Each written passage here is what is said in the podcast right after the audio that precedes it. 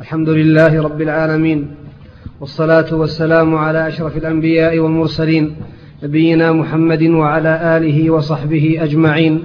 قال الإمام البخاري رحمه الله تعالى بسم الله الرحمن الرحيم كتاب الحيض وقول الله تعالى ويسألونك عن المحيض قل هو أذى فاعتزلوا النساء في المحيض ولا تقربوهن حتى يطهرن فإذا تطهرن فأتوهن من حيث أمركم الله. إن الله يحب التوابين ويحب المتطهرين. باب كيف كان بدء الحيض وقول النبي صلى الله عليه وسلم. باب كيف كان بدء الحيض وقول النبي صلى الله عليه وسلم. هذا شيء كتبه الله على بنات آدم وقال بعضهم كان أول ما أرسل الحيض على بني إسرائيل وحديث النبي صلى الله عليه وسلم أكثر. يعني نعم بني إسرائيل قبلهم. بنات آدم من من عهد حواء نعم.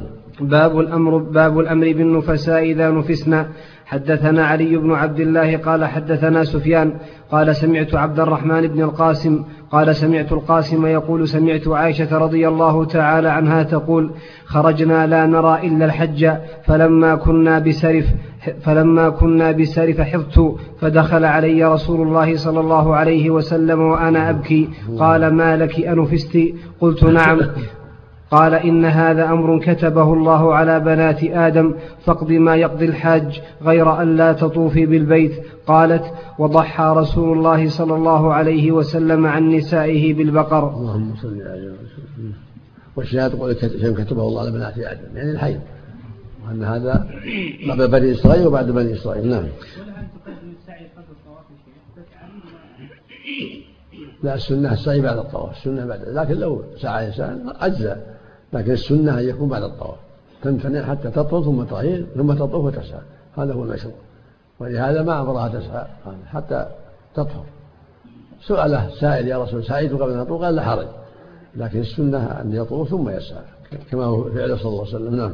باب غسل الحائض رأس زوجها وترجيله. حدثنا عبد الله بن يوسف قال حدثنا مالك عن هشام بن عروة عن أبيه عن عائشة رضي الله تعالى عنها قالت كنت أرجل رأس رسول الله صلى الله عليه وسلم وأنا حائض.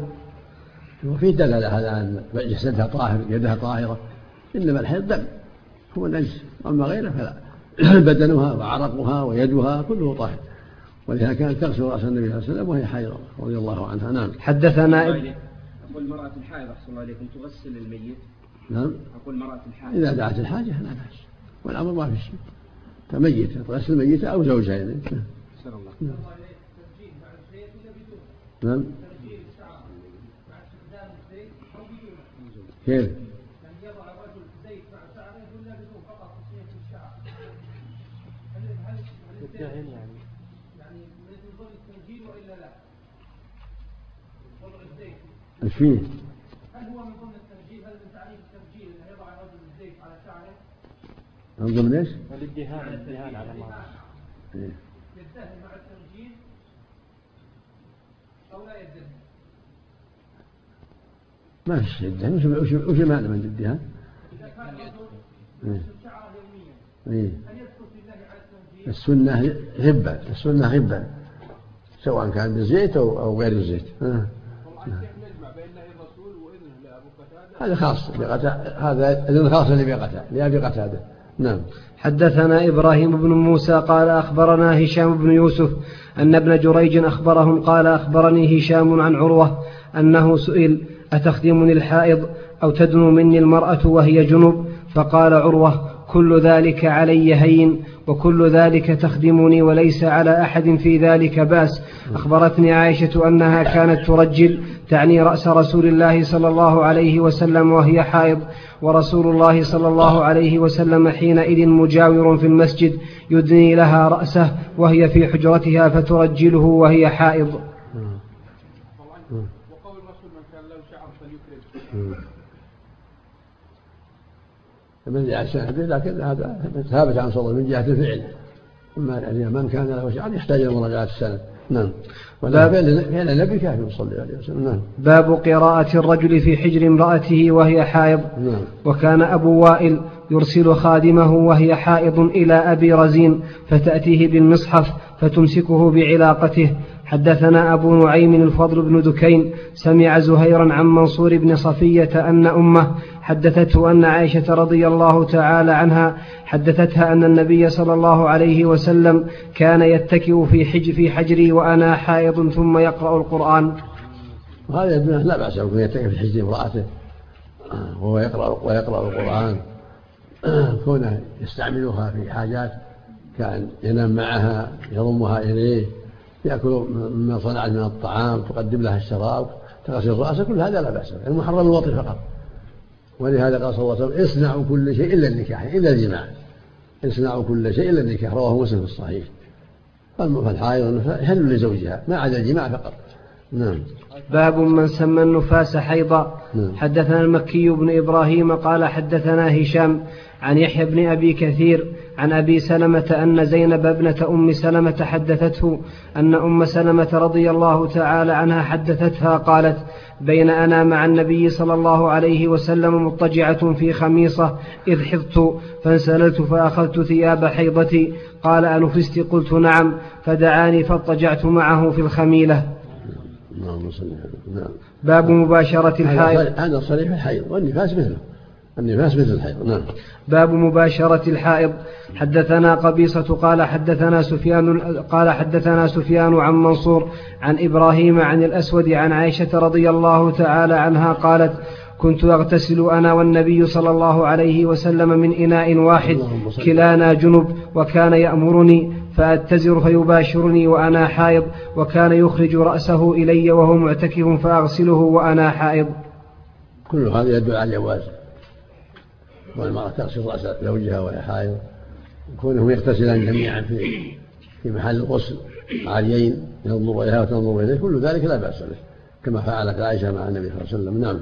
حدثنا إسماعيل بن خليل قال أخبرنا علي بن مسهر قال أخبرنا أبو إسحاق هو الشيباني عن عبد الرحمن بن أسود عن أبيه عن عائشة رضي الله تعالى عنها قالت كانت إحدانا إذا كانت حائضا فأراد رسول الله صلى الله عليه وسلم أن يباشرها أمرها أن تتزرها في فور حيضتها ثم يباشرها قالت وأيكم يملك إربه كما كان النبي صلى الله عليه وسلم يملك إربه؟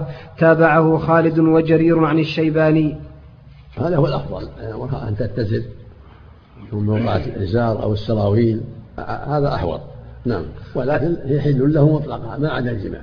نعم. حدثنا أبو النعمان قال حدثنا عبد الواحد قال حدثنا الشيباني قال حدثنا عبد الله بن شداد قال سمعت ميمونة رضي الله تعالى عنها كان رسول الله صلى الله عليه وسلم إذا أراد أن يباشر امرأة من نسائه أمرها فاتزرت وهي حائض ورواه سفيان عن الشيباني. اللهم صل على باب ترك الحائض الصوم. حدثنا سعيد بن أبي مريم قال أخبرنا محمد بن جعفر قال أخبرني زيد وابن أسلم عن عياض بن عبد الله عن أبي سعيد الخدري رضي الله تعالى عنه قال خرج رسول الله صلى الله عليه وسلم في أضحى أو في فطر إلى المصلى فمر على النساء فقال يا معشر النساء تصدقنا فإني أريتكن أكثر أهل النار. فقلن وبما يا رسول الله؟ قال تكثرن اللعن وتكفرن العشير ما رأيت من ناقصات عقل ودين أذهب للب الرجل الحازم من إحداكن قلنا وما نقصان ديننا وعقلنا يا رسول الله؟ قال أليس شهادة المرأة مثل نصف شهادة الرجل؟ قلنا بلى. قال فذلك من نقصان عقلها أليس إذا حاضت لم تصلي ولم تصم؟ قلنا بلى. قال فذلك من نقصان دينها. هذا نقص مكتوب عليها وليس عليها من بأس لكنه من نقص من نقص الدين. سقط عنها الصلاة سقطت الصلاة في أيام كثيرة من السنة بسبب الحيض والنفاس. هذا من نقص الواقع ولكن ليس على هذه ذنب شيء كتبه الله عليها نعم. باب على نقص أجرها بناء عليه ولا تكون معذورة؟ لا ما ما, ما عليها شيء في هذا. لأن هذا شيء كتبه الله عليها. نعم. يعني بس إنما هو وصف لها. نعم. يعني يكتب لها الله ما كانت الله أعلم. قراءتها ورد وأحسن الله إليكم ورجعتها للقران لا قراءة وردها لا بأس لكن لا تقرأ القرآن. إنما تقرأ وردها من غير القرآن وإن وإن قرأت من حفظها من دون مس المصحف لا بأس. الصحيح لا حرج من دون مس المصحف حفظ. عن حفظها لا بأس هذا هو لأن ما هناك دليل على المنع. لأن مدة الحيض تطول مو مثل الجنوب تطول والنفاس كذلك. فإذا قرأت فلا حرج على الصحيح لكن من غير المصحف لكن لو لو راجعت المصحف لبعض الآيات من من دون حائل من وراء القفازين للحاجة فلا بأس. نعم. نعم.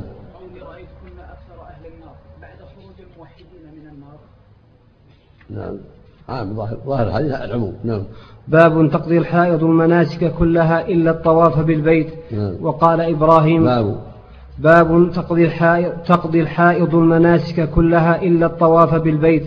وقال إبراهيم لا بأس أن تقرأ الآية ولم ير ابن عباس رضي الله تعالى عنهما بالقراءة للجنوب بأسا وكان النبي صلى الله عليه وسلم يذكر الله في كل أحيانه وقالت أم عطية كنا نؤمر أن يخ...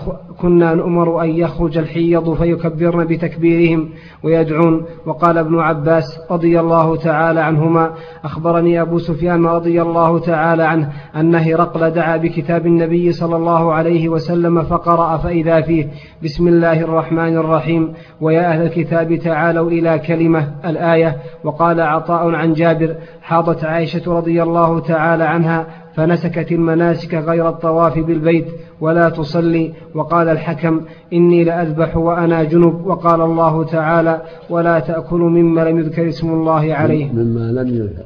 ولا تأكلوا مما لم يذكر اسم الله عليه. المقصود الجنب له ذكر الله. التحليل والتسبيح ليس, ليس له أن يقرأ.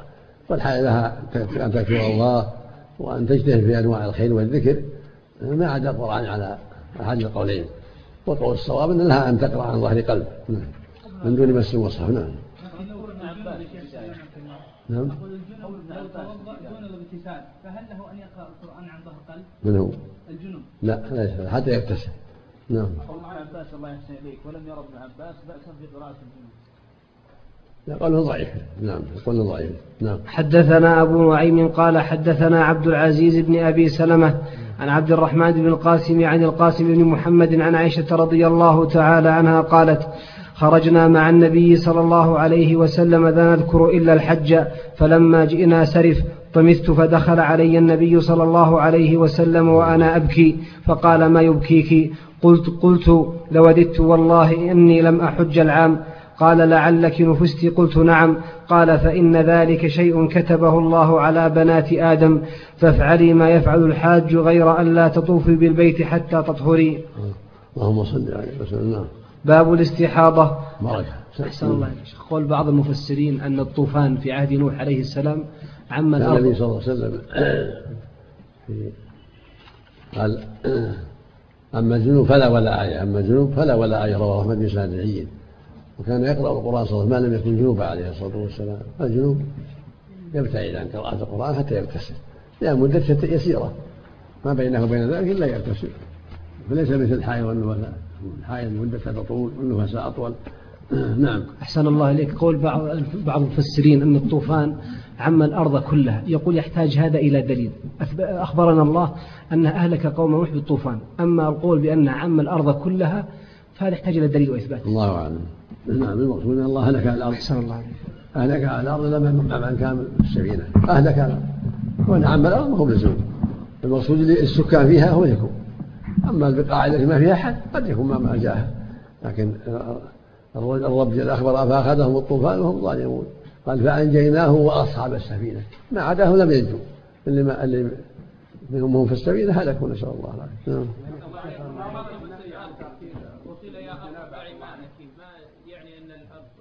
الله أعلم. المقصود ان الماء عم الناس عم الكفر حتى هلكوا جميعا إلا من كان معه في السفينة. أما كون كل بقعة جاءها الماء وهي ما فيها حل محل الله أعلم. نعم.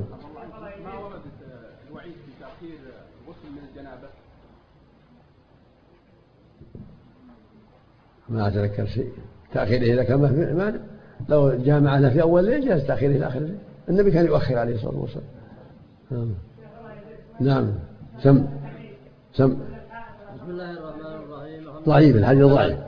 نعم.